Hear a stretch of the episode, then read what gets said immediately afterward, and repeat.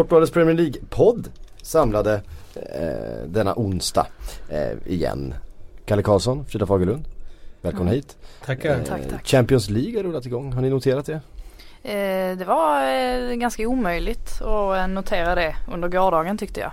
Dels på grund av resultaten men också på grund av det här tekniska haveriet som förstörde stora delar av första halvlek mellan Liverpool och PSG. Mm. Men eh, vi har satt kämpade. Det var lite frustrerande. Mm. Um. Ni sitter alltså med eh, ett konto via Play och inget, eh, inget på tvn? Den jo. linjära tvn så att säga? Nej, alltså man kör ju upp det på tvn. Liksom. Ah.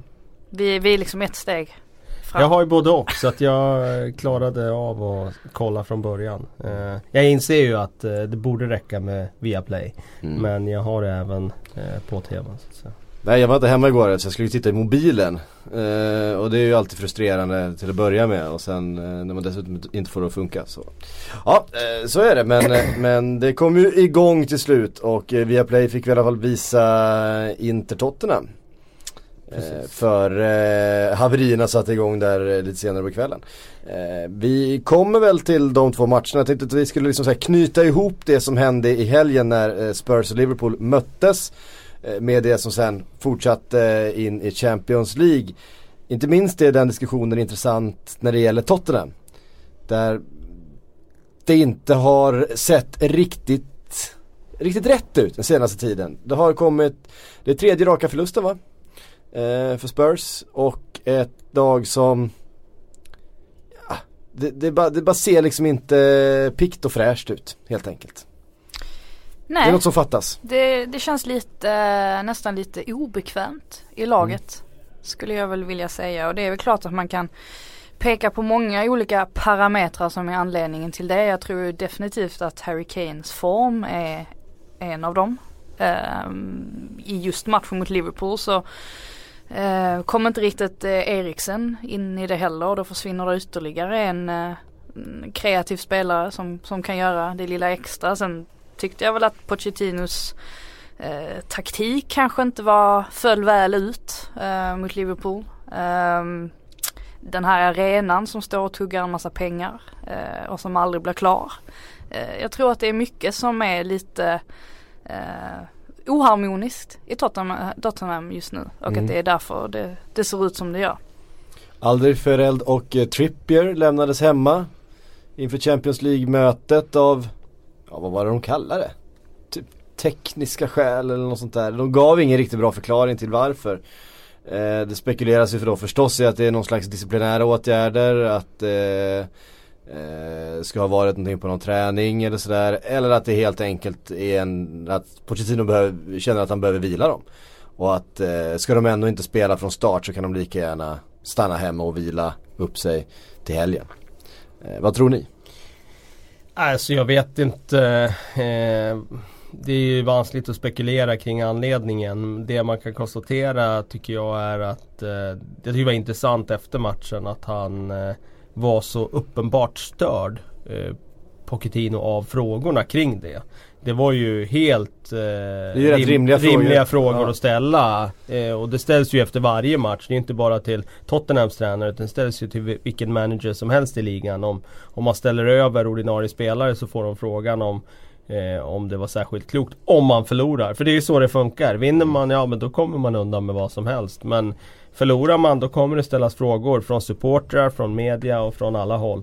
Och jag var jätteförvånad över han som har varit så otroligt eh, balanserad tidigare och väldigt sällan ska säga, tappar fattningen. Att han eh, ja, var så eh, liksom eh, påverkad av den frågan att han liksom eh, behövde säga liksom att de inte visade respekt för hans laguttagningar. Jag menar det är ju knappast något unikt att eh, det diskuteras kring laguttagningar. Det görs ju varje vecka i varje, i varje fotbollsklubb. Mm. Man vill ju tro att det handlar om att de måste få vila, alltså spelarna. Och att man säger tekniska skäl för att det inte ska vara respektlöst mot Inter. Eh, men som sagt när Pochettino reagerar som man gör där så börjar man ju undra, hade han bara svarat eh, liksom kort och eh, sakligt på, på frågorna så, så hade det kanske inte spekulerat så här mycket. Nej och det var, det var också konstigt för han sa att eh, han var liksom Verkar vara upprörd över att de förtjänade mer och så vidare. Men han har ju varit med tillräckligt länge i gamet för att veta att mm, alltså, Media utgår ju från slutresultat. Mm. Eh, och där, därifrån kommer historien att skrivas. Och jag menar Tottenham åkte ju till Old Trafford till exempel för en månad sedan och vann väldigt klart resultatmässigt men knappast spelmässigt och det var ju inte alls något resultat som speglade matchbilden tycker jag i den eh, fighten. Men han klagade ju inte då över att, över att eh, att, eh, liksom, att han fick hyllningar då efter, efter den matchen när det kanske inte var det de förtjänade. Så att eh, det var lite förvånande att just Pochettino som jag tycker är en alldeles formidabel tränare som alltid tycker jag uppträder balanserat. Han verkar vara lite, eh, vad ska jag säga, ja kanske lite oroad nu över att förlusterna har hopat sig. Mm. Psyket är inte riktigt på plats alltså hos någon av dem. Alltså varken hos spelare eller, eller, eller honom. Det, det känns som att allting går emot Tottenham just nu. Och att det här just den här inledningen som ändå har varit ganska knackig. Att den liksom börjar komma i kapp nu. Alltså eh, rent resultatmässigt också. Och jag menar Inter som har haft sin eh, på sätt och vis katastrofala inledning på säsongen. De är ändå tillräckligt psykiskt starka för att vända på den här matchen. Och visst, det är väl klart att det är små marginaler och sådär men det kändes ändå som att Inter ville betydligt mer. Eh, visst, de har hemmaplan också, det är klart att det spelar in och så. Men jag tror att eh, Pochettino får nog eh, jobba ganska hårt nu för att se till att det här inte sätter sig ännu mer i huvudet på spelarna. För det eh, att tappa en ledning eh, till nederlag är ju inte det bästa. För det var, det var ju precis, precis det här på något sätt som det känns som Pochettino har lyft Tottenham ur det här laget som hela tiden har katastrof, katastrofen eh, i närheten liksom att det när som helst kan proppen bara gå ur Uh, och så rasar allting igen. Det känns som att det, han har ju tagit, det här har blivit ett stabilt lag där det liksom inte finns på kartan. Och sen också det här med Tottenham-laget som alltid gör dåliga höstar liksom och ligger efter. De kommer igång på våren sen och det har han ju också tvättat bort liksom. Uh, liksom de där svagheterna. Men det känns som att precis de här sakerna nu har smugit sig tillbaks till den här säsongen just med tanke på att det är trötta spelare, med tanke på att man inte har kunnat investera eh, på grund av arenabygget och att, att, are, att arenabygget eh, drar ut på tiden och liksom lägger någon slags eh, stämning över hela klubben. Det, det, någonstans är det de här gamla spökena som på något sätt har växt till liv hos Tottenham igen. Känner ni igen er den beskrivningen?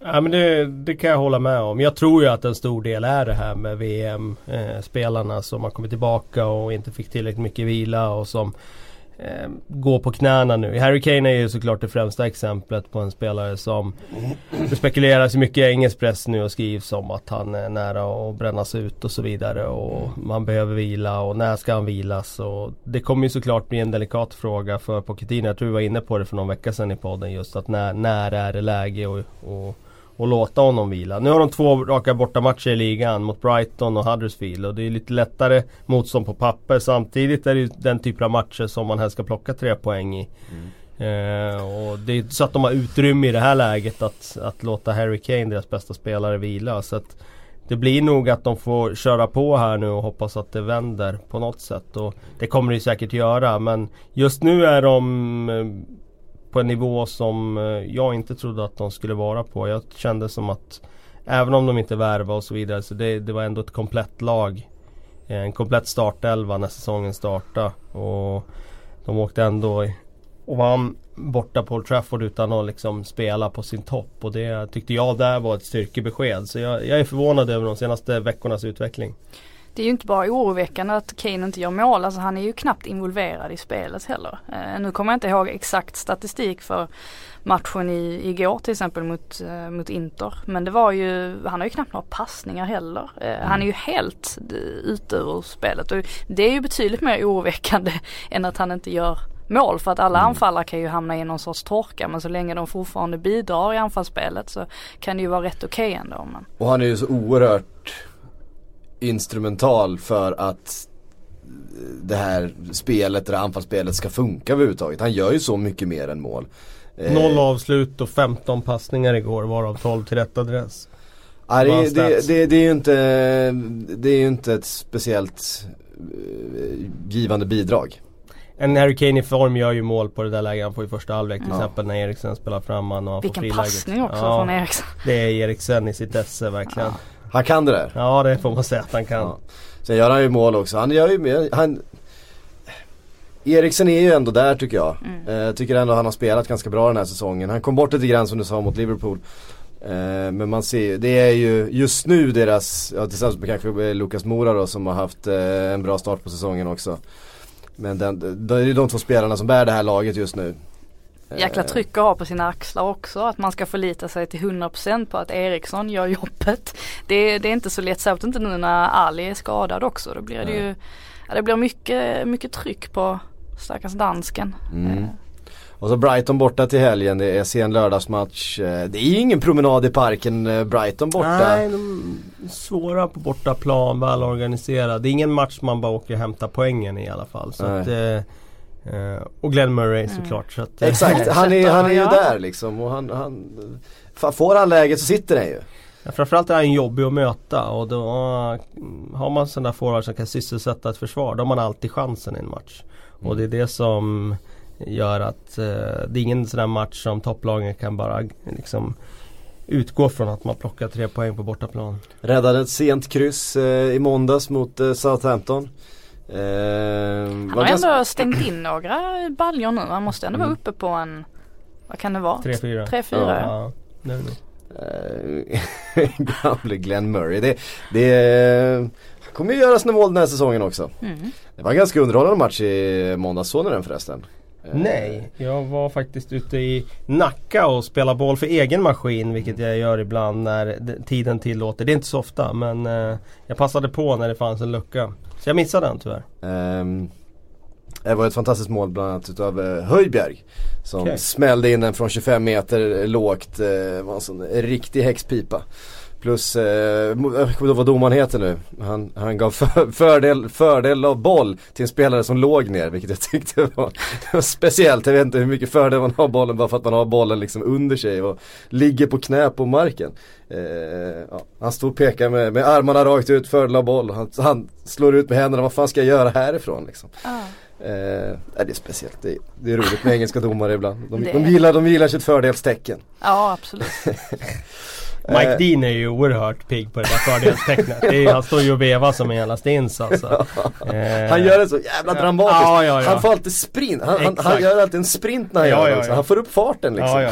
En adrenalinskjuts. Han har ju någon sån här compilation på Youtube med, eller han har, men det finns en compilation på Youtube med hans eh, teatraliska gester och den är ju, ja den är ganska eh, rolig att se faktiskt. Mike han är en profil. Mike Dean, vilket, vilket skämt det är alltså. Han är en profil. han är en profil. Du kommer sakna honom. Han är, ingen bra, han är ingen bra domare men han är Alla han kommer är... sakna Mike Dean den dagen han lämnar in. Ja, herregud. Eh, Spurs pratade om, mötte Liverpool i helgen. Liverpool som också gick in i Champions League igår. Eh, två 2-1 förluster för, eh, eller 2-1 segrar för Liverpool i de här två matcherna. Eh, Liverpool som börjar väl kanske, vi har ju klagat lite på att de har eh, inte riktigt kommit igång offensivt och inte riktigt fått till det där pressspelet och den här energin kanske. De har ju vunnit matcherna ändå. Eh, såg ni tendenser till mer energi och bättre spel igår? Mot PSG till exempel. Ja, alltså jag tyckte ju att eh, det skulle bli oerhört spännande att se just matchen mot PSG. För jag har inte känt att de har fått, det är liksom ingen som riktigt har, uh, har testat dem på det sättet. Alltså man trodde att Tottenham skulle göra det men de gjorde inte heller det riktigt. Uh, så det var ju synd att jag missade de här 20 första minuterna. Uh, men av det jag såg av matchen så tyckte jag ändå att det var eh, bra tendenser hos, eh, hos Liverpool. Det var ju snarare så att man var tillbaka i gamla synder där försvaret kanske darrade lite ibland. Å andra sidan är det ju Salah som slår den här passningen rakt i, mm. rakt i gapet på PSG så att de kan kontra och det räcker ju att de får alltså någon möjlighet och då, då sitter den ju. Ja. Eh, de är ju så pass bra, de har ju så pass mycket individuell kvalitet. Um, men jag tycker att uh, alltså det, det kändes ändå som att eh, Eh, när Liverpool, när Firmino trycker in det där målet så det var lite signifikant ändå för eh, Liverpool och för deras säsong som jag tror att den kommer utvecklas ändå. För i och med att det har varit lite skakigt nu här men jag tror att en sån här grej kan nog verkligen få igång dem på riktigt. Eh, för de har ju inte imponerat märkbart sen West Ham i princip. Jag sa två, två stycken 2-1 segrar Ja, va? jag Jag- noterade jag- det. Jag ville två- inte rätta dig. Mm, Två var stycken uddamålssegrar var det jag skulle säga men så s- läste jag 2-1 samtidigt så det blev fel. Ja, Det blev förstås 3-2. Det- Eh, ja, nej jag tyckte de var riktigt bra igår Liverpool. Det är deras match från början till slut tycker jag. Eh, så möter de ju den där typen av kvalitet som gör att man kan aldrig slappna av. Men jag tror inte man ska överdriva heller alltså att försvaret vacklade igår. För jag menar första målet det är ju offside egentligen. Mm. Eh, och det är en väldigt, väldigt bra avslutning om Ja, det. Eh, och som sagt, eh, ja, det är ju bara när man möter de här allra bästa lagen som, som man släpper in mål på det där liksom sättet. Eh, som PSG gör sina två mål. För det är liksom, det är inte direkt målchans utan de hugger ju och visar sån kvalitet när det väl bara ges ett litet fläskben så gör de nog mer av det. Eh, så det, jag tyckte de klarade sig rätt bra ändå igår försvarsmässigt. Det, det jag tyckte var kul att se det var ju att de verkligen käkade upp PSG med det pressspel de hade. Återerövringen, den direkta återerövringen eh, i första halvlek var ju var väldigt, väldigt bra. Eh, och det är så de också gör målet, det sista. Det är ju för att de verkligen vågar i James 90 Milner. minuten. James Milner, jag tror vi kommer komma in på honom lite senare. Så, men så, nu pratar jag bara om laget. Men just att de vågar i 90 minuten kli, ta klivet fram. Som Milner gjorde i det här fallet. Mm. Och så vinna tillbaka bollen. Och så får de ett segermål tack vare det. Och jag tyckte det var en ruskig styrkedemonstration av Liverpool. Det här är ändå ett PSG som jag ser som en av favoriterna till att ta hem hela, hela Champions League. Och de var ju mycket bättre i den här matchen. Det finns inget lag som irriterar mig så mycket som PSG gör. Jag kommer insåg det igår när jag satt och tittade för jag såg deras eh, match eh, i ligan mot saint Etienne. Eh, där de i princip kan vila alla stjärnor de har och ändå vinna med 4-0 mot saint Etienne. Som Mm. var fullständigt klappdåliga. Det var det värsta Ja. jag har sett. Är det Alltså, alltså förs, försvar, försvars, jag såg också den matchen. Försvarsspelet vid de målen. Det fanns ju inte. Nej men det är ju så att de bara står och tittar på. Nej men precis och sen så kan de, eh, kan de vila sina stjärnor då till en Ja men till eh, Europaspelet då, Champions League, de ska satsa fullt ut på det. Eh, Liverpool som eh, också har en väldigt bred trupp, det är inte det. Men de har ju inte möjlighet att vila sina stjärnor på samma sätt om de ska hänga med i ligan. Jag tycker ändå det är, det, det är lite skönt ändå att man inte Sen får jag, jag får känslan av att PSG, att det här börjar faktiskt eh, bli ett problem för dem att motståndet i franska ligan är så Mm. dåligt. För man tittar där, Neymar är nere och ska försöka spela försvarsspel vid något tillfälle och hamnar en mot en med Mané. Och han ser ut som en, han ser ut som en tioåring i försvarsspelet. Han går ju bort sig något så, visst det målas upp som att, ja men visst Mané dribblar honom.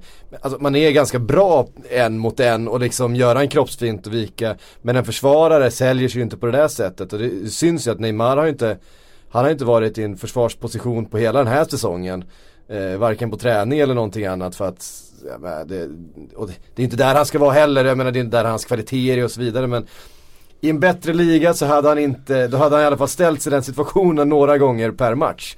Där, han, där han måste göra någon slags eh, försvarsinsats. Och det, Jag blev lite tveksam till PSG som slutvinnare efter den här matchen. För jag tyckte inte de var ett lag som höll ihop. Alltså det är tre super superstjärnor där framme. Eh, och kanske två super super superstjärnor i Mbappé och M- Neymar. Men jag tycker inte de gör jobbet. Alltså det är som att de tre står kvar där uppe i offensiva lägen och så ska de vänta på att de vinner bollen och så är det omställning och så vidare.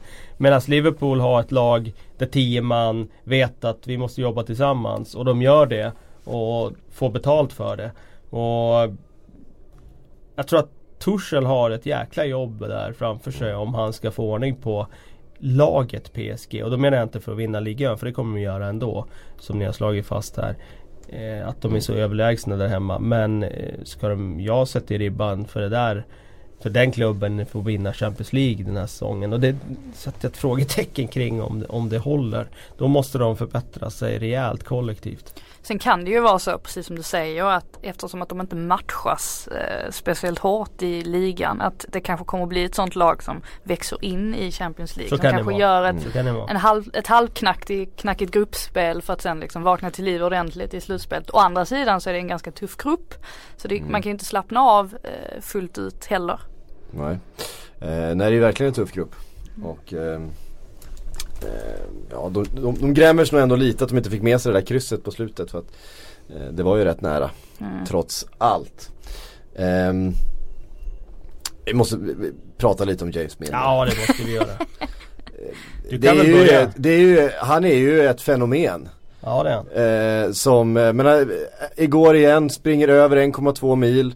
Eh, ligger väl, normalt sett ligger han på en kilometer mer än alla andra på planen.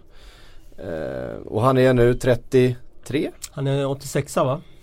eh, så 32 i år då.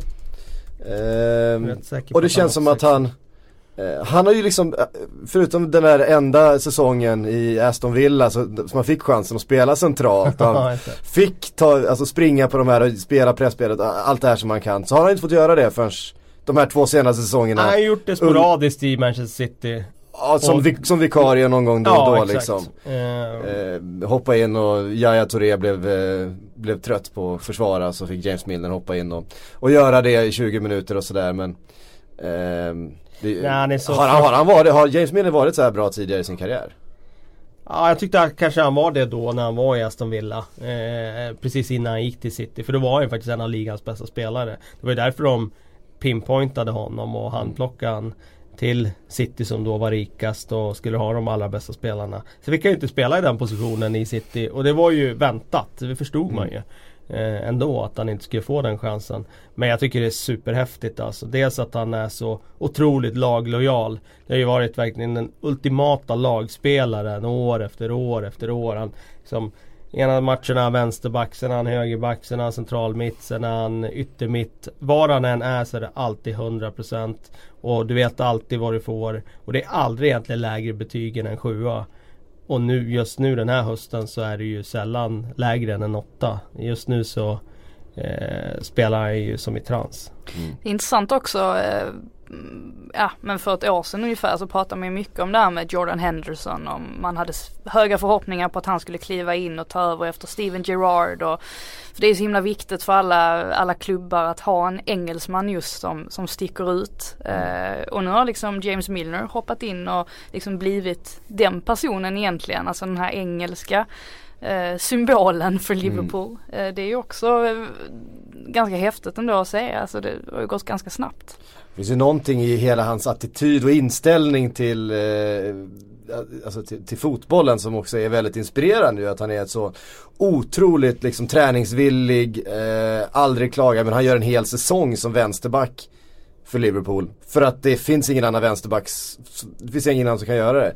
Utan att säga någonting om Nej. det. Bara göra det varje vecka och jobba lika hårt och vara lika liksom och eh, sådär. Alltså den där Alltså, Alltså- the model professional, det har ju sagt så många gånger om honom och det, alla tränare som har haft honom har sagt exakt samma sak. Det finns eh, ingen som är mer eh, bättre på att träna. Och det är liksom så här försäsongen, han kommer in, han knäcker allihop på, på fystesterna, vem som springer längst. När alla andra liksom ligger på marken och kör han ett varv till. Inte för att han måste, utan det är bara för att det är den inställningen han har. Eh, Ja det är häftigt där för jag tror att många har ändå den där föreställningen av att ja men de tjänar ju 50 miljoner om året så att Mm. det, det är klart att de ska ha 100% inställning eh, varje gång. Men de har ju inte det. Utan eh, det, han är ju unik för att han har det. Och eh, det är det som är så speciellt med honom att han, han klarar att hålla den där liksom absoluta proffsigheten i allt han gör. Och det är därför han har kommit så långt. För att om du tar ren talang och liksom elegans och så så finns det säkert tusentals spelare ute i Europa som har mer och bättre egenskaper. Men han får ihop ett paket tack vare sin inställning som där summan av delarna i alla fall blir större. Och det har ju också gjort att han eh, faktiskt är ett undantag från en annan regel. Och den är att en spelare har ett visst antal år på den högsta nivån. Alltså slår du igenom som 16-åring då är du normalt sett inte på den högsta nivån kanske när du är 30-31. Alltså vi har Det tittat på på, lite Rooney och position och sådär. Eh, jag har sett ganska många, jag menar James Milner är väl fortfarande en av de yngsta att någonsin spela i Premier League när han Han var den yngsta som gjorde mål i alla fall när han gjorde målet Ja. då. För han slog ju Rooney, det var ju väldigt kort efter där. Rooney satte rekord och sen gjorde ju Milner mål bara några veckor senare. Mm, För Leeds då på den tiden. precis. Eh, och var han ju bara 16. Men det har, har ju lite med position och vad man har för egenskaper och så här. Explosiva spelare, offensiva spelare, de håller ju inte om de slår igenom när de är 16-17. Nej. Eh, Milner är ju inte någon explosiv Nej, det- spelare direkt. det Det är, är ju- mer smartness än snabbhet. Ja. Eh, ja, det är kul att ge lite, lite kärlek till James Milner. Verkligen. Eh, eh, man undrar honom så jävla mycket på något sätt. Bara för att man gillar hans inställning och att han Eh, det är heller inga skandaler och det är inget, det är inget bullshit. Plus att han fortfarande liksom följer sitt Leeds. Han är ju fortfarande Leeds through and through fast han inte har varit där på så många år. Och eh, man vet, han kommer ju avsluta sin karriär där och jag menar man unnar ju honom också att få komma till Leeds, spela upp dem till Premier League och vara den liksom stjärnan där och göra någonting stort för den klubben också. Det vet jag att, det har han ju sagt själv att han drömmer om. Han har fortfarande, håller koll på allting som händer i Leeds och har. Då, då får han nog eh, gå dit i januari i så fall om han ska spela upp dem i Premier League för det verkar ju som de är på väg upp Ja, ja. Går ju bra för dem. Eh, verkligen. Men man vet aldrig med Bielsa-lag. Bensinen, bensinen kan ta slut efter halva säsongen. Jag Alltså. tror i och för sig Bielsa skulle gilla att ha en James Milner på Ja, ja. mittfältet. Jo, det, då, är- han hade, då minskar ju risken att bensinen tar slut om de tar in Precis. honom. Jag tror Ja. dock att den eh, han är en väldigt Bielsa-kompatibel spelare. Verkligen, verkligen. Eh, så sett. Mm. Följer han eh, Boring James Milner-kontot? Ja, han, det händer ju att han retweetar det ibland Ja, eh, okej. själv. Det är ju bra självdistans också. Ja. Ja. Han är ju väldigt rolig. Alltså Ja. han, han, han är ju inte alls speciellt boring. Men det är också för att han vet att i intervjusituationen och han ska vara professionell. Han är ju, han är ju professional Ja, liksom. han, han bjuder inte på några stolligheter i de situationerna. han är ju jätterolig egentligen. Man Ja, blev ju så chockad när han började ge sig in i det här sociala medier. Mm. Eh, ganska sent på det ju. Då tänkte man ju, alltså man hade ju föreställningen att han var precis som boring James Milner. Mm. Han är precis tvärtom. Tänk vad fel man kan ha. Mm. Det är ju en del utav de här fotbollsspelarna som är oerhört tråkiga. Alltså ganska, ganska grunda personligheter om man säger så. Ja. Det finns då, det. men den, han känns faktiskt inte som en utav dem. Ja, vi lämnar eh, Milner där då. Eh, säga någonting mer om eh, Tottenham-Liverpool från helgen.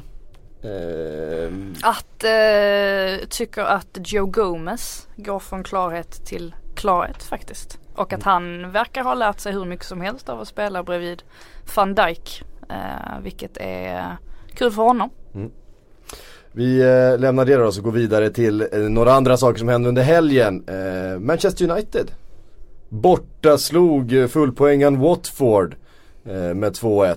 Det var, såg bra ut i 70 någonting minuter. Sen eh, kom det här målet för Watford och då blev det rätt nervöst tror jag för många United-supportrar. Men eh, det känns ändå som att vi har pratat ganska lite om krisen i Manchester United ändå de senaste två veckorna.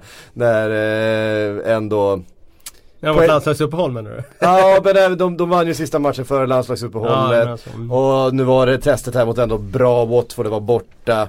Det var, liksom, det var, det var tvunget att bli seger här också för, för United och visa att det ändå liksom Visst att de har form men vi är ändå Manchester United. Och jag tycker väl att de visade det här. Det var, det var tyngd och kvalitet eh, i det de gjorde.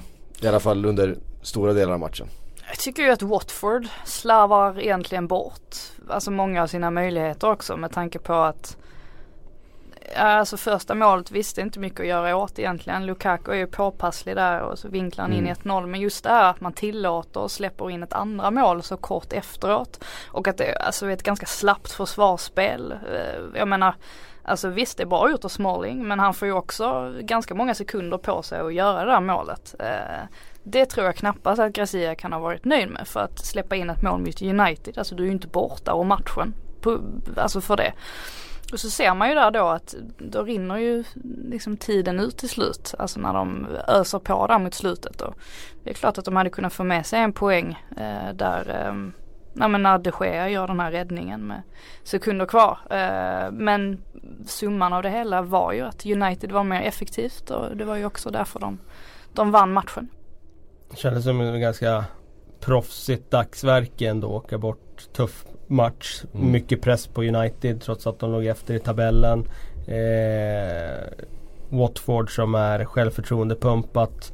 Jag tyckte de var Alltså de, de spelar matchen från början på rätt sätt med Förstärka såklart eh, med Fellaini på mittfältet för att liksom vinna den fysiska kampen där. Jag tyckte han gjorde en bra match. Mm. Eh, jag tycker att de Ja men de hugger där de får läge. Eh, och mer än så kan man nog inte kräva borta mot Watford. Det kommer vara svårt för det alla. Det är ju en svår, ja, det, är en, det är en match, väldigt svår liksom, match. Och det var ju ett test nu verkligen. Är, ja verkligen. Och framförallt nu när de är i den här formen. Sen var det väl ganska uppenbart att det var en hörnvariant som gick hem där när de mm. gjorde 2-0 målet. Där de ställde ut Fellaini väldigt långt ut straffområde och slog hörnan på den ytan. Eh, och eh, de är nog väldigt nöjda med, så är det ju alltid. Det laget som släpper in kommer alltid kunna peka på att vi gjorde det och det felet. Eh, så är det för gör man inga misstag det blir inga mål alls. Eh, men jag tror, det såg ut som att United var väldigt, väldigt nöjda med just den varianten som gick hem i det läget. Så Ja, får ju ge dem lite cred då att eh, de klarar av det här testet. Och nu är de väl uppe ut träsket i alla fall som de var i för några veckor sedan där det var väldigt negativt. Nu känns det ändå som att de har fått igång Lukaku nu de senaste matcherna lite grann, att han gör mål i alla fall. Eh, och tycker väl också att liksom bara den stabiliteten av att ha ett mittbackspar nu som spelar vecka ut och vecka in. Det kommer ju att betyda mycket tror jag. Mm. Ja, han har ju etablerat sig där nu ändå, mm. Vigge. Ja båda två. Ja bo, båda två Både Småling och Lindelöf är ju, ja de är ju startspelare nu eh, på ett sätt som ja, innebär att eh, de måste spelas ur elvan. Mm, precis. Eh, vi har också tänkt på det, alltså Lukaku, vi har pratat mycket om att Harry Kane är väldigt eh, är trött och slutkörd efter att ha spelat väldigt mycket. Lukaku också spelat väldigt mycket fotboll.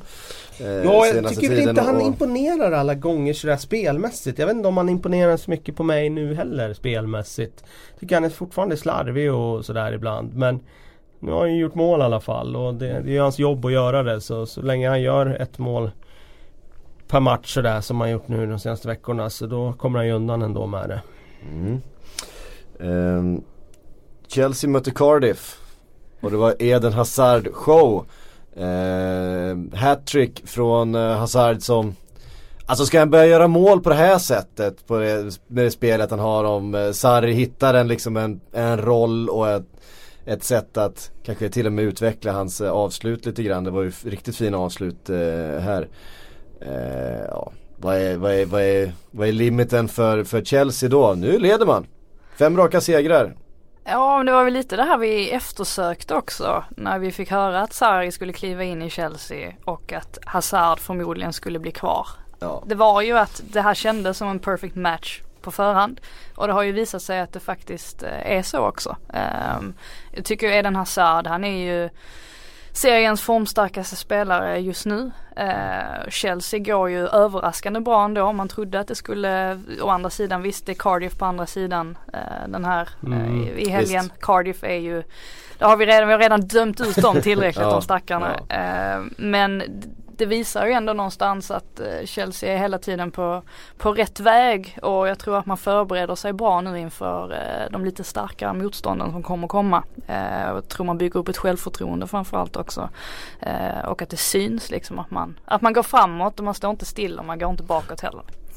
Mm. Såg inte den här matchen, missade den. Jag hade match själv i, i lördags där men om man bara tar ut Hazard från det hela så är det bara att konstatera att det enda som egentligen har gjort att han inte har varit med i Ballon d'Or diskussionerna tidigare. Då, men, då menar jag diskussionen kring vad bland de slutnominerade. Att den där duon har varit den bästa i sett de senaste fem åren och ska vinna någon av dem varje år. Det är väl ganska uppenbart. Men att han inte har varit med ens där i diskussionen när det ska tas ut de där tre som får stå på podiet. Det tycker jag har att göra med hans statistik. Alltså, det är bara det det handlar om. Han har inte haft tillräckligt med mål och assist att visa upp. Och Eh, det känns som att han på något sätt har kanske insett det lite själv. Eh, ibland är det ju sådär, vissa spelare, och jag tycker nog att har varit en lite sån spelare, att de tycker det är lika roligt att slå en tunnel och dribbla en spelare som det är att göra mål. Och, eh, eller kanske roligare att slå en tunnel än att, att göra mål. Och det är nästan roligare att göra det där eh, det där snygga liret innan och slå en extra passning istället för att stoppa dit den när man har chansen. Och jag tycker inte han har varit tillräckligt med, eller tillräckligt distinkt helt enkelt tidigare. Nu har han faktiskt ett målsnitt som gör att eh, det går inte att blunda för att det här är en av ja, världens absolut bästa spelare. Och fortsätter han nu och visa de här siffrorna som han gjort den här hösten. Eh, och även jag tar in VM i det också för du gjorde också väldigt mycket poäng. Eh, ja men då, då ska han vara med där uppe på topp 5 i världen. För så pass bra tycker jag att han är. Jag är otroligt svag för att se han spela. Jag tycker det är det är fest varje gång man får se han gå ut på en fotbollsplan. För han, han har någon slags lekfullhet där han springer runt och liksom gör skarvningar och klackar och sådär. Det är många som kan göra det men det är ingen som kan göra det på det sättet som han gör det. Det på den nivån. hela tiden. Och effektivt. Det är ju rätt och- beslut varje gång han gör det. det Ja, är, i stort sett nästan varje gång. Jag brukar ju, jag är lite allergisk till det där med när, när man eh, liksom klackar i onödiga lägen när alla motståndare kan läsa att det är precis det där som kommer hända. Men han gör ju det där i match efter match. Och motståndarna, även de motståndare som är på den där nivån kan ju uppenbarligen inte läsa vad som är på väg att ske. Och det är han nästan ensam om i fotbollsvärlden och hålla på med de där skarvningarna och sådär på det sättet och lyckas så många gånger per match som man gör. Men han är ju inte den bästa target-mannen. Eh, inte, eh, inte enligt honom själv i alla fall. Det är ju Olivier eh, Giroud ju. Som han tokhyllade Mm. efter matchen. Ja, och en, en sån här magisk framspelning till Hazards ena mål där han eh, visar ju precis vad, vad det är han kan Giro. Alltså felvänd mot mål, uppvaktad, han trillar men han lyckas ändå liksom kontrollera den där bollen. Alltså han har sån otrolig balans och teknik på de där ytorna. Att, eh, alltså en sak jag har tänkt på. Eh, det pratades mycket om att eh, Sarri skulle komma in och det blev Sarri-boll och det finns liksom ingen plats för den här spelaren. Och det finns så här, alltså, någonstans är det ju inte så det funkar. Eh, Sarri har ju inte ett sätt att spela fotboll på. Han har ju en filosofi kring hur man ska liksom eh, ta sig an fotbollsmatch, man vill spela bollen eh, på olika sätt. Men det är klart att har han ett spelarmaterial där det finns en väldigt, väldigt stark target-spelare som det uppenbarligen gör i, i eh, Olivier, Olivier Giroud.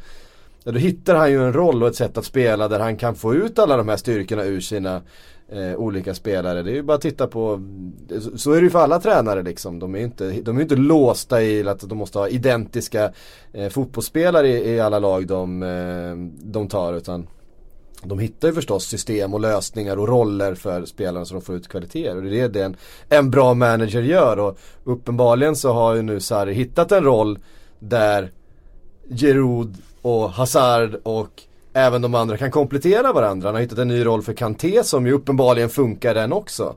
Även fast den skiljer sig ganska mycket från allting han har gjort tidigare i sin fotbollskarriär egentligen. Eh, så det är, det är verkligen imponerande utav, utav Sarri hur han har fått ihop det här. Och det är ändå det här liksom lekfulla, roliga, snabba eh, spelet som, som, eh, som är hans filosofi. Ja, och det, han får ju så mycket o, eller, um, orättvis, um, vad ska man säga, kritik också i Rudd. Eller inte kritik kanske, det är väl mer att han inte har riktigt respekt från från allmänheten så tillvida. Jag menar jag, det fanns en anledning, anledning till varför jag tog Hazards citat och la upp det på Twitter för jag visste att det skulle röra upp känslor.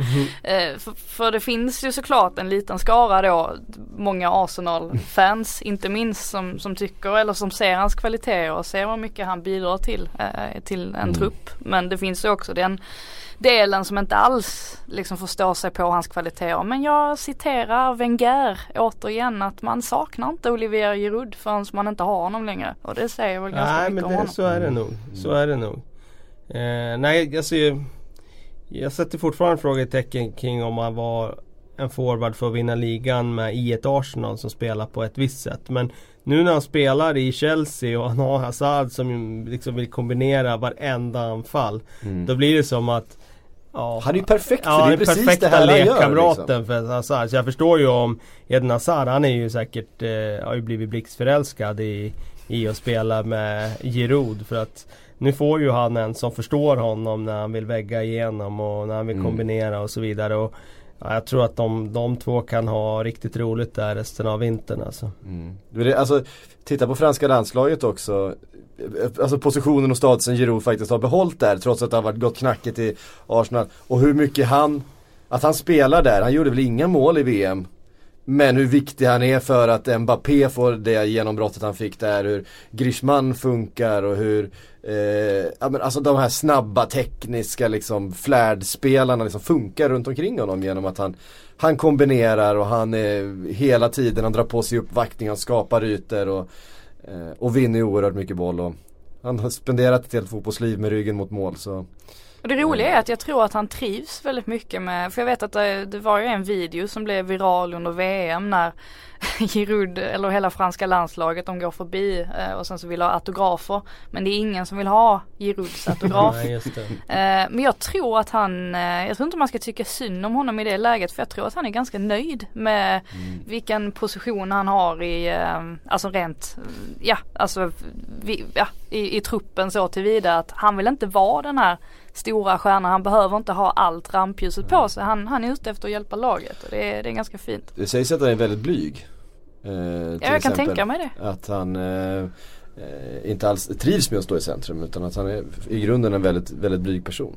Sen att han har blivit mycket det här att han är snygg och han är liksom, har fått mycket, liksom den rollen eh, hade han ju i Ja, Arsenal. tycker du han är mycket. snygg? Eh, men fan, Är han snyggast i ligan?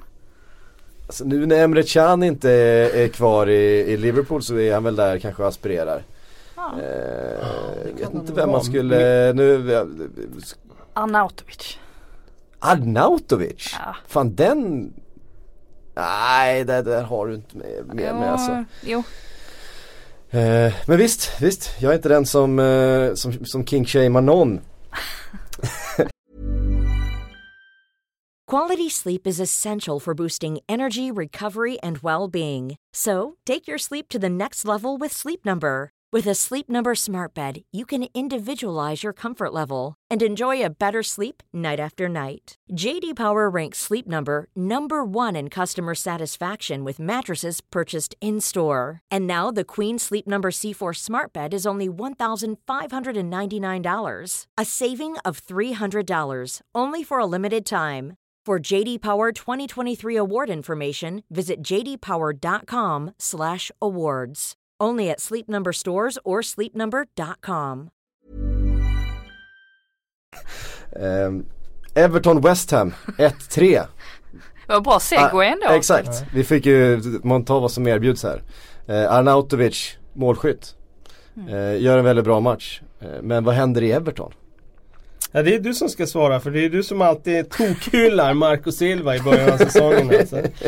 Ja, och det Ja. började ju bra. Det började ju bra den här säsongen men det har gått snabbt utför här. Jo fast är det någonting som inte har sett bra ut om man ska vara helt ärlig så är det ju trots allt defensivt. De släpper in väldigt många mål och när de saknar spelare liksom i anfallet som Richarlison till exempel som inte gör, som inte kan göra mål framåt. För övrigt tycker jag Tosun han, han är inte riktigt i målform han heller. Han gör mycket annat bra på planen men han gör inte mål. Eh, och då blir det att eh, det syns betydligt mer nu. Ehm, och då straffar det sig i slutändan också och West Ham gör ju en, en bra match ändå får man säga. Det är ett, i alla fall ett steg i rätt riktning för, för deras del. De såg ju helt slut ut ett tag. Mm. Ja alltså, de behövde det här kan man säga men eh, alltså det är ju, det är, sen är det ju West Ham också. Om det är någon klubb som, är, som gör så här hela tiden. De kan vara fullständigt hopplösa av ena helgen och sen nästa så plockar de fram någonting och sen är Arnautovic på humör och sen så är någon annan på humör och sen så springer eh, ja som det är, så plockar vad heter han? Nu tappade jag namnet. Pellegrini, Nej inte Pellegrini. Jarmolenko. Eh, ja, Jarmolenko gjorde ju mål där också. Eh, ah, skitsamma. Eh, jag, far, jag, far, jag far efter en spelare som jag inte kommer ihåg. Filippe Andersson. Nej inte Filip Andersson. Nej, No men han som vi brukar göra, mycket, brukar göra mycket mål, springer på kanten, ingen teknik. Eh, Ja, Antonio. Ja, ja, ja, Michael Antonio. ja men det är så här typiskt eh, West Ham, helt plötsligt har Michael Gick igenom Antonio- nästan hela truppen. Ja exakt. Men eh, det var ju ändå lite roligt här att Pellegrini han fyllde 65 år här. Eh, och eh, de lyckades vinna där. Så nu när han som pensionär har vunnit alla sina matcher i karriären. konstaterade ju Gary Lineker på Twitter. Ja, Mycket viktigt. träffsäkert. Ja. Sen fick de ju igång Jarmolenko nu. Mm. Det är ju lite spännande ändå. För där finns det ju en spelare. Ja verkligen och en eh, förhopp- ja, det man kan tänka en lekkamrat med Arnautovic också då. En spelare som kan befinna sig på eh, en nivå där i alla fall Arnaut- Arnautovic själv känner att han eh, befinner sig.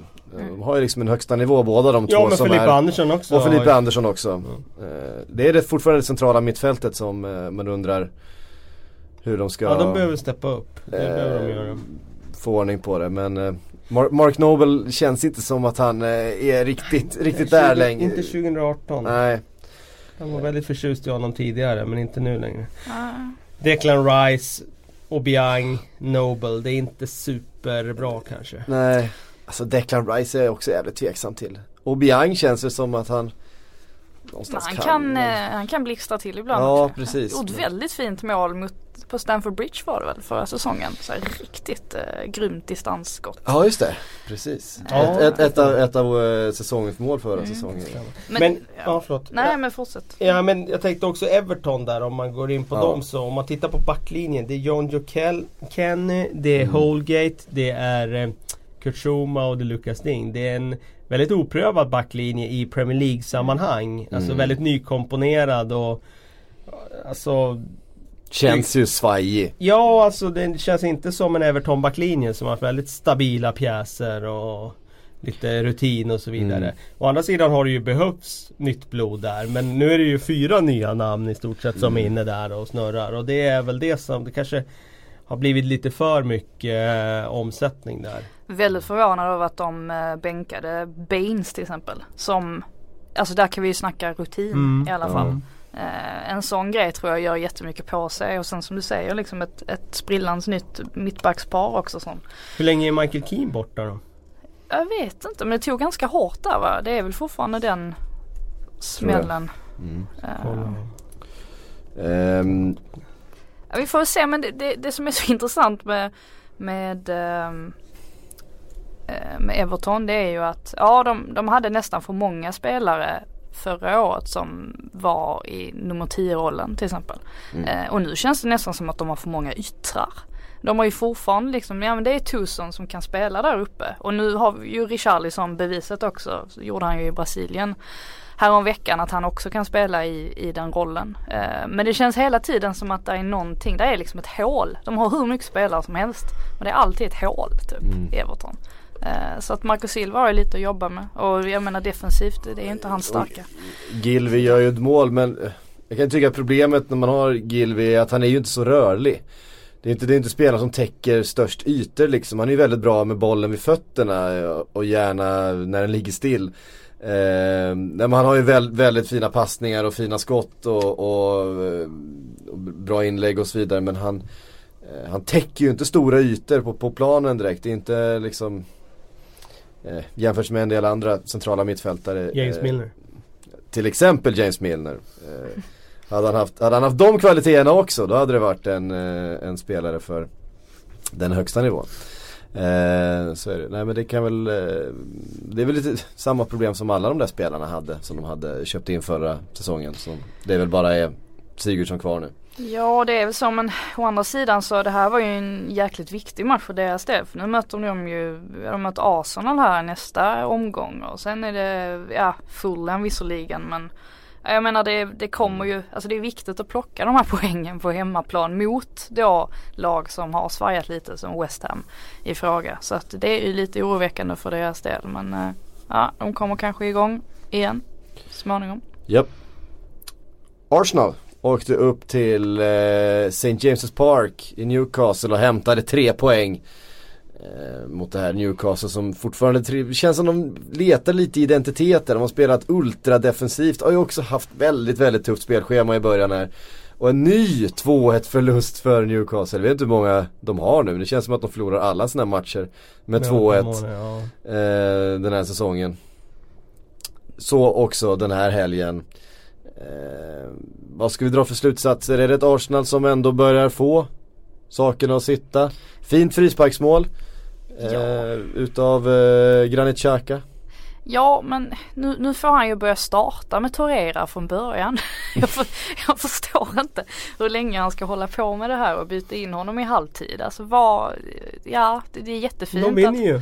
Jo absolut men det, är- det, vi vill se honom från start. Det, Ja. Jag gillar Guendouzi eh, väldigt mycket och så här. Men eh, Torera ger ju uppenbarligen någonting som gör att eh, Xhaka i sin tur ser mycket bättre ut.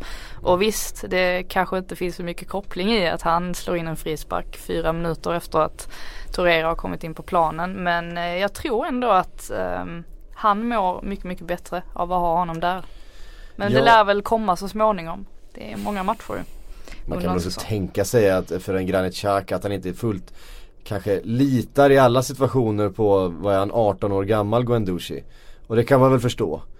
Eh, att det, det, det är klart att det finns ett misstag i en, i en 18-åring som ska 19 spela, va? ja 19 kanske han är, central mittfältare. Det finns rätt att- många defensiva misstag i Granit Xhaka också i och för sig. Man känner andra genom sig själv. Ja. Eh, Och att han känner att det blir eh, tryggare på något sätt kanske. Att han, att han själv vågar ta ut svängarna lite mer när det är Torreira som spelar. Johan vågar ju inte- definitivt släppa det defensiva ansvaret Mm. mer. Alltså han ska ju inte ha någonting med defensiven att göra i princip. Han ska ju bara fokusera på målet som står framför honom. Han ska skjuta, Ja men för det precis. han. Ja, det är intressant med Newcastle tycker jag. För att ehm, jag menar Benitez har ju haft ett väldigt stort förtroendemandat där sedan förra året. Mm. Och mycket tack vare en tabellplacering som var smickrande.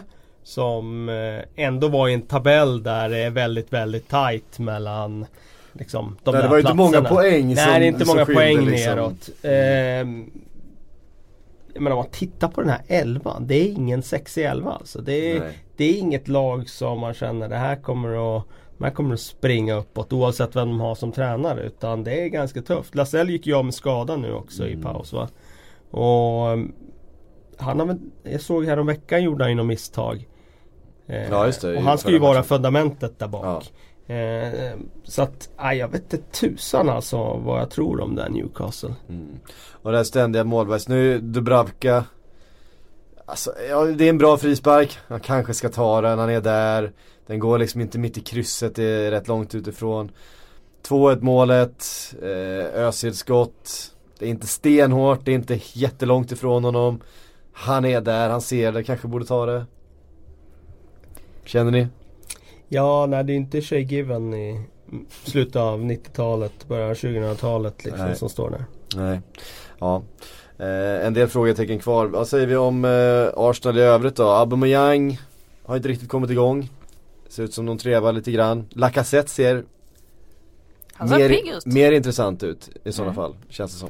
Jag tycker det är kul också att eh, Emery har hittat ett sätt nu att få in både Aubameyang och Lacazette. Jag tycker Mm. Lacazette förtjänar att, att spela i alla fall. Det har alltid, de gångerna han har inlett på bänken så har det alltid sett bättre ut i Arsenals offensiv när han har kommit in. Eh, han bidrar ju med en annan typ av spets liksom. Eh, så att det är kul att se att han får spela. Eh, det är väl Mkhitaryan där som hamnar i kläm istället. Mm. Eh, men någon måste ju göra det om man ska Precis. få ihop det där.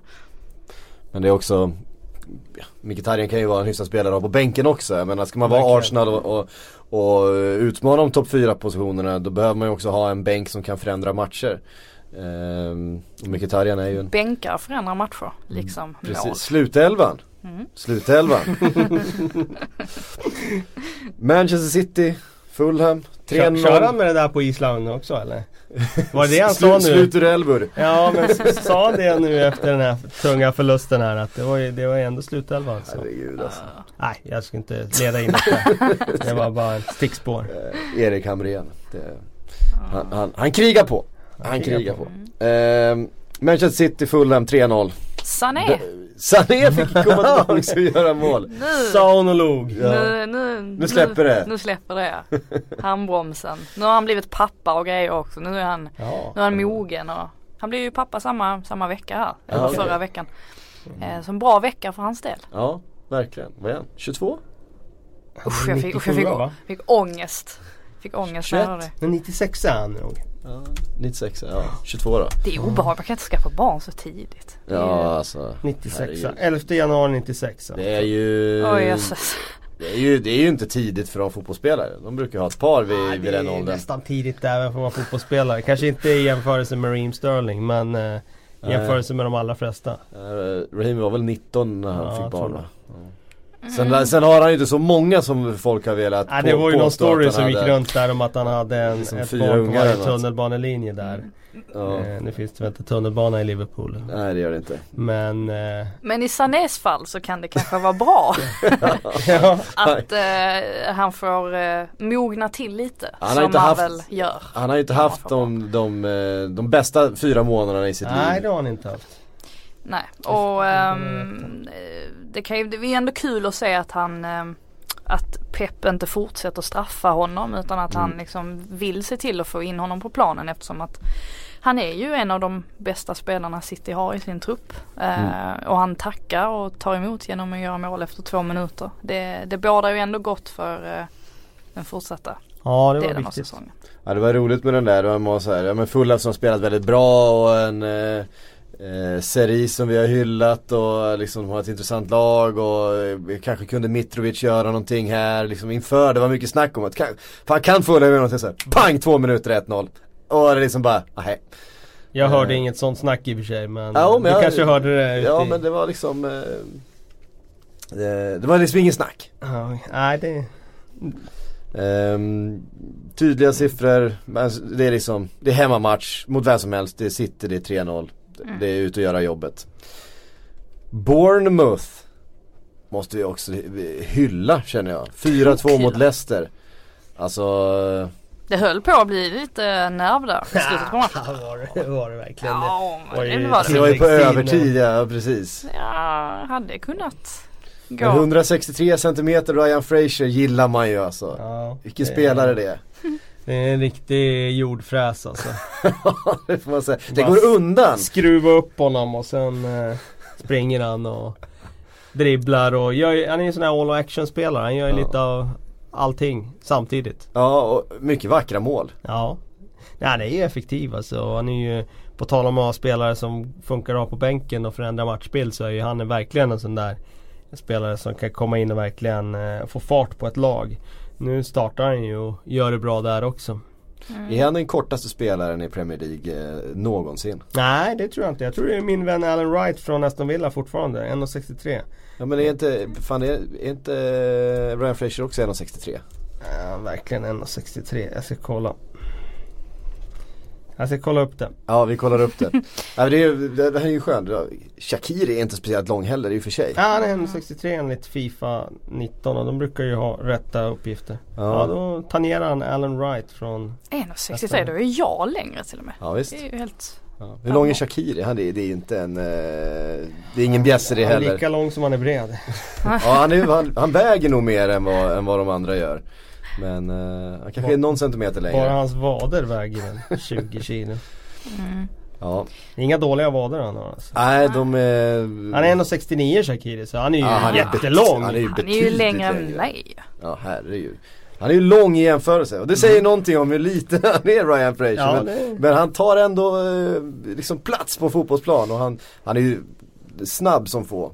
Eh, det går ju Mm. undan och det är som sagt Jordfräs är en bra, bra beskrivning av honom. Men ändå häftigt med Bournemouth om man tänker tillbaka så här ett år. Eddie Howe han fick eh, Kritik och- kritik Mm. ja, och det var ju nära att han rök säkert. Det kanske inte var nära men det var ju ändå Ändå man- om det. Nej, ja men precis och Och han kanske också. Ja och det, han kanske inte var den här revolutionerande tränaren som man hade trott och sen helt plötsligt går det hur bra som helst och de ligger precis där bakom. Ja, det är ju nästan så att man börjar tro att Bournemouth är årets Burnley. Eh, alltså ett lag som kommer ändå hänga med så gott det går där uppe och plocka eh, sina poäng. Ja det är sjukt alltså. Ja. Med det där materialet. Mm. Men han är ju, han får, han får för lite cred. Ja det får han. Han får för lite cred. Det har vi, varit, har vi varit inne på tidigare. Men han får det här. Och vem var hans inspiratör? Vem åkte han ner och gjorde studiebesök hos? Jo Maurizio Sarri såklart. Ja precis, Vad det var så. Ja. Har inte han också varit hos Bielsa i, i någon vända? Nej det har vet jag alla inte. varit. Det vet jag inte men han var, åkte i alla fall ner till um, Sarri redan när han var i Empoli faktiskt. Och, okej. och studerade honom och fick en aha-upplevelse där nere. Hur gammal är Eddie Howe nu? Han, han Han är passerat väl 40? 79 va? Han är inte det? Fyller 40 nästa år då. Mm. Eh, ja men det är intressant. Det, det är, 77 ja. 77 var, fan han är 41. Han är Ehm, ju jättegammal. Det är ju jättegammalt. Nej men det, man, man blir ju också lite sugen på att se eh, Eddie Howe i en eh, annan miljö också. Den kommer ju den chansen. Ja. Frågan är bara när. Absolut. Vi har fått några frågor. Ehm, Anton Norén skriver Sala, one season wonder undrar han. Eller, eller har han bara för mycket press på sig? Snälla jinxa ingenting om Liverpool Frida. Fagerlund-jinxen är livsfarlig. Nej den är, men, Men- Det, kan, det kan ju också slå jätterätt. Oj jäklar, nu hällde jag ut vattnet alltså, Kalle bakom vatten. min dator. Så det Ja. rinner ut över psyk och Ja, här allt möjligt. Nu är det dramatik här i studion. Ja, Ja, jag vet så det inte var kaffe. Nej det var Nej, bara vatten. det var bara vatten. jag ber om ursäkt men Ja, det är det, var bara vatten. Det var bara vatten. Ja, det, det rinner ner här. Vi, vi, vi ignorerar det lite grann så. Mina papper blev lite blöta men det... Eh, Du hade i alla fall gjort ett körschema eller? Ja, ja, absolut. okej. Klart jag har gjort Jag tänkte med tanke på körschema. förra veckans Har du inte läst det eller? Gedigna- Vad har, har du inte läst? Du har inte kör- skickat ut jag det? Skick... Nej det har jag inte gjort. Nej, Eh, nej jag tänkte. Men Frida. Salah, vad du jinxar ingenting nu. Är han ett one season wonder eller vad är problemet? Har han för mycket press på sig? Ja, men, eh, det är ju, kan- Hur ska du kunna säga något utan att jinxa något? Alltså jag märkte nu när du, när du, när du, när du cyklade till där, jinxa inget nu. Det var som att du, du, då kom du av dig Kolla jag satte dig i ett hörn och sen så målade jag allting runt omkring. Ja, jag, jag, satt, jag satt och funderade för att jag, jag har faktiskt funderat lite på lite på samma sak ändå. Eh, Och sen nu tog det ju extra skruv igår. För det, man har ju inte tänkt på det så mycket ändå eftersom att Liverpool har ju trots allt de har vunnit sina matcher och sådär. Och sen så igår när eh, den här eh, situationen efter eh, Firminos eh, mål där när de filmade. Salah och han drar den här flaskan i, i backen så, så dök den här diskussionen upp igen typ. Åh hur är det med Salah och trivs han? Och, vad- Men ni har sett hela situationen va? Ja han knyter ju näven för han är ju glad Ja, först det- ju. Mm. Det var väl antagligen, jag skulle ju tippa på att det har att göra med att det var han som slog bort den här bollen eh, till PSGs eh, 2-2 mål och att han eh, därmed alltså kände sig lättad. Jag tror också han fick någon slags adrenalin som gjorde att han bara kastade iväg den. Ja, men, och, som sagt att han kände sig lättad. Fan vad skönt. Alltså så, här, jag tror det var en sån eh, flaskekastning snarare. Härligt att vi analyserar flaskkastningen. ja, men, men, men är jag, det Men jag håller med dig. det- Jag, jag, jag tror också att det var mer lättnad än något annat. ja och, och nej han har inte fått den, den bästa starten på den här säsongen. Det finns det många som inte får. Jag menar Harry Kane, vi har ju pratat i all oändlighet om hur han inte gör mål i augusti och bla bla bla. Och, alltså sånt här och han är helt ur form nu. Alltså det, det, det händer ju. Ehm, jag tycker väl inte att man ska dra allt för höga växlar ändå av hur, hur det ser ut. Och jag tror inte att han är ett one season wonder. Eh, jag tror att han är, är, är bättre än så. Sen gör han ju inte 35 mål igen. Eh, eller 33 gjorde han. Eh, det, det, det tror jag inte. Det tror jag inte heller är liksom eh, spelaren Sada på något. Det var som att allting trillade in där. Och det var ju inte under som en period, att, det kändes som varenda skott han tog bara, bara satt där liksom. det var ju inte som att det såg kanonbra ut från första början heller. Eh, jag menar, Förra alltså han, säsongen. ja men precis, alltså han brände ju en hel del och fick kritik för det och, och folk tyckte liksom att ja men kolla han är ju ingen topp striker eh, för att han bränner alldeles för mycket. Och sånt där går ju vågor. Alltså jag tror att när det väl lossnar för honom så kommer han komma igång ordentligt och i våras var det inget snack om att han var Premier Leagues bästa spelare men hade man korat samma sak fyra månader tidigare då hade ju De Bruyne fått det där priset så att det är liksom Mm. man, man, glömmer, man glömmer fort också. Eh, och jag tror att eh, hela den här VM-grejen och allt eh, tjafs han har med Egyptens förbund just nu. Och, alltså, det, det är väl klart att det finns många parametrar som kan bidra till varför man eh, dippar lite. Men jag tror han kommer komma in i det. Ja det känns som det har tagit lite Får hoppas jag inte har jinx, jinxat. Nej.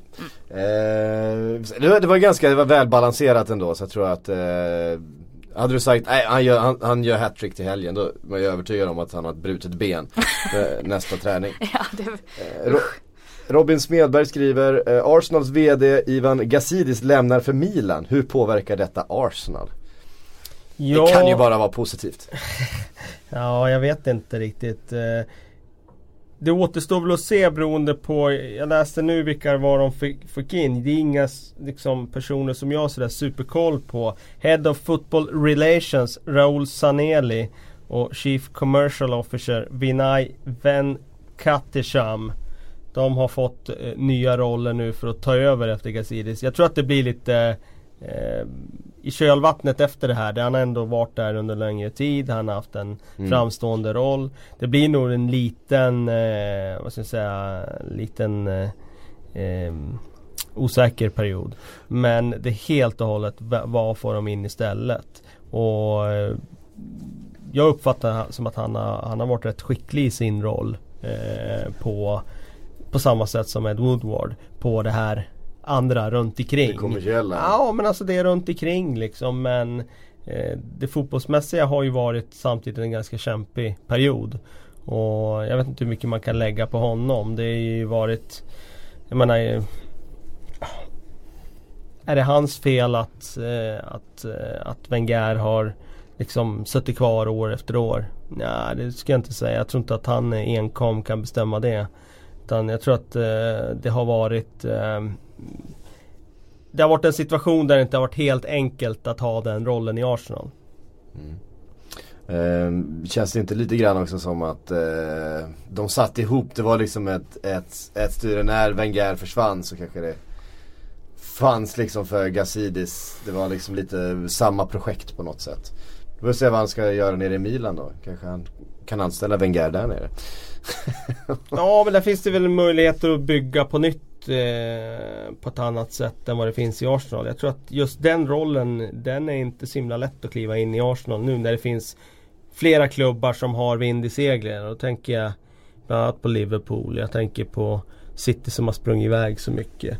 United som har så mycket pengar. Eh, och Chelsea som också har medvind nu med sin nya tränarrekrytering och segrarna trillar in och så vidare. Tottenham som har det yngsta laget och väldigt utvecklingsbart. Just nu inne i en tung period men senaste åren har sprungit ifrån Arsenal. Så nej, jag tror att det, det är en tuff, tuff roll att ta. Mm. Ehm, Johan Lindström vill att vi ska prata om Chris Smålings eh, golvmopp på huvudet. Mourinho tyckte inte om den. Det var han ju oerhört tydlig med. Ja just det. presskonferensen. också, också så märkligt. Och oerhört Mourinho Ja, ja, att ha en åsikt om. För det är liksom. inte som att han inte har spelare i United som brukar ha konstiga frisyrer. Alltså det är ett ganska vanligt fenomen. Vad var det han sa? Det enda jag inte gillar är Ja, hans frisyr. ja visst var det det. Någonting. Precis. Att han ändå ville få med det. Ja. Jag tycker det är ganska Jag uppmuntrar sånt. Det är väl lite, det är väl lite kul. Det är lite, Ja, har vi sätter att lite färg på tillvaron. Ja. Ja, enda gången jag ogillade lite det var, shit var det, var det Babel som hade färgat håret orange nu i VM? Var det han eller vem var det? Babbel spelar inte VM i sommar. Vem, vem Nej var men alltså, vi, alltså vi, vi, jag menar ju Nations League såklart. Ja. Mot, eh, mot Frankrike. Ja okej. Ja det är mycket möjligt. Det, det såg jag inte. Var det han? Ja, Ja det var okej. någon i alla fall i Holland som hade färgat håret Mm. I en märklig färg. Sånt gillar jag inte. Men så länge de... Jag tänker att smålingar kanske vill eh, få samma effekt som uh, Rio Ferdinand fick när han skaffade sina cornrows. Dreads, ja, det. var, det var inte så vackert det heller men eh, han var väldigt bra under den perioden. Han var ju bra innan det också. Ja, jo, absolut. Ehm, Så jag tror inte det satt i frillan när det gäller just Rio Ferdinand.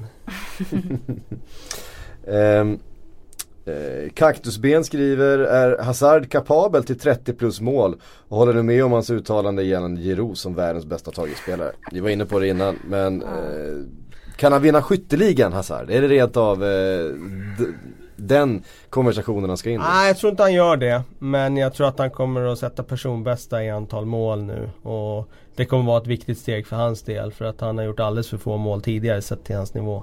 Med det sagt så har han ju ändå chansen nu. Eh, med tanke på att varken Salah eller Kane gör speciellt många mål. Vi vet att Agüero han gör alltid en massa mål men han kanske inte kommer att spela alla matcher heller. Så på det sättet kan han nog vara med där uppe och nosa lite i alla fall. Mm. Gunnar Swede brukar ställa eh, provocerande frågor.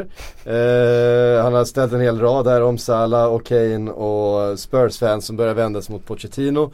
Eh, och det är klart ett perspektiv som en Arsenal-supporter eh, gärna ser. Men han ställer också, hur ser ert tips till topp 4 ut just nu? Oh. Han, han, jag tror han ser en, en chans att vi kanske ska stoppa in Arsenal där. Gör ni Alltså det? jag reviderar ju inte mitt tips utan jag står ju fast vid det jag tippade före ligan och sen håller jag på det benhårt och sen får man se fram i vår sen om man ska revidera när det är två månader kvar av säsongen. Men jag tycker det är för tidigt att vända kappan nu så jag står fast vid etta Liverpool, tvåa City, trea Tottenham och fyra Manchester United. Mm. Ja, jag kommer inte ihåg var jag satte Chelsea alls. Men Ja, jag hade nog, eh, om jag har United som fyra så tror jag nog jag hade petat ner dem ett hack och petat Mm. upp Chelsea.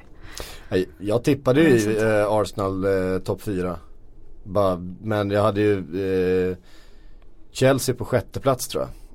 Och där kommer de ju inte hamna, det känns ju, det är jag rätt säker på nu. Så jag är beredd att revidera den delen av tipset. Eh, kommer Arsenal komma fyra? Nej, jag tror kanske att eh, Ja, sen Spurs är frågan nu också. Det kanske blir eh, Arsenal och Chelsea då. Är Spurs och United. Eller så får United det. Nej, vet inte fan. Nej det är svårt. Eh, jag vet inte fan. Jag tycker det är för tidigt att revidera. Jag Ja. gillar att liksom stå fast vid det ett tag i alla fall. Mm. Eh, Lasse Nordhem skriver, vem är Premier Leagues sötaste spelare? Mané måste vara uppe i toppen. Ja det är Nej men Sané är ju rätt söt. Är inte det? Eh, är han det? Ja men han, han har ett sött. Sen har väl han, har inte han opererat näsan också? Det var därför han missade Confederations Cup med, med Tyskland då när han tackade nej till att åka med. Varför han skulle sant? operera näsan tror jag. Eh, så att eh, det kanske är lite för mycket fake. Det, kan, det känns lite fake ju. Jag tror han menar det här med, eh, söt tror jag han menar Manés ständiga, han härmar ju Firminos målgester och att han är lite den här lite, Ja, bly, lite bly, bly, blyga bortkomna barn, ja. killen sådär. Men då är det ju ingen som kan slå Kanté. Nej exakt, Kanté är ju ohotad i detta. Ja, Kan- Kanté, Kanté är ju i så fall den, den, den sötaste killen man någonsin har sett typ. Hans Mm. liksom ständiga förlägna blick och ödmjuka inställning och att han hela tiden tycker att allting är lite, lite skämmigt liksom. Mm. Eh, ja, han är ju fin. Ska vi ta en fråga till? Mm, mm, mm. Nej, det ska vi inte. Hörrni,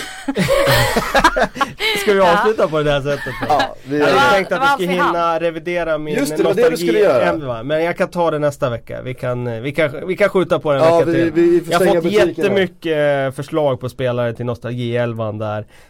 Eh, som gällde alltså spelare som inte hade spelat i topp 6-lag i eh, bästa elvan i Premier League genom tiderna. Jag har Just reviderat det. min elva Ja. med hjälp av de här förslagen. Funderar lite hemma på kammaren.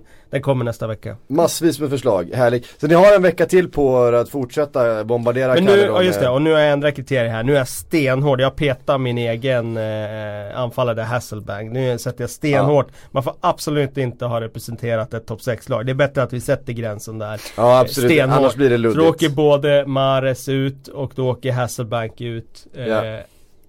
Bara spelare som inte har varit i något topp 6-lag. Mm. Nuvarande Big Six. Ha, Alltså. jag tänkte, hade vi Letizier med i elvan? Jajamän. Han, han Jajamän. var med va? Jajamän. Ja jag menar det. Han var med i min elva alla. Ja, men Sen är han precis. inte med i allas elva, men han Nej. var ju med i min i alla fall. Tycker han ska vara där.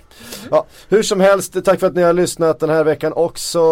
Vi är såklart tillbaks om en vecka igen.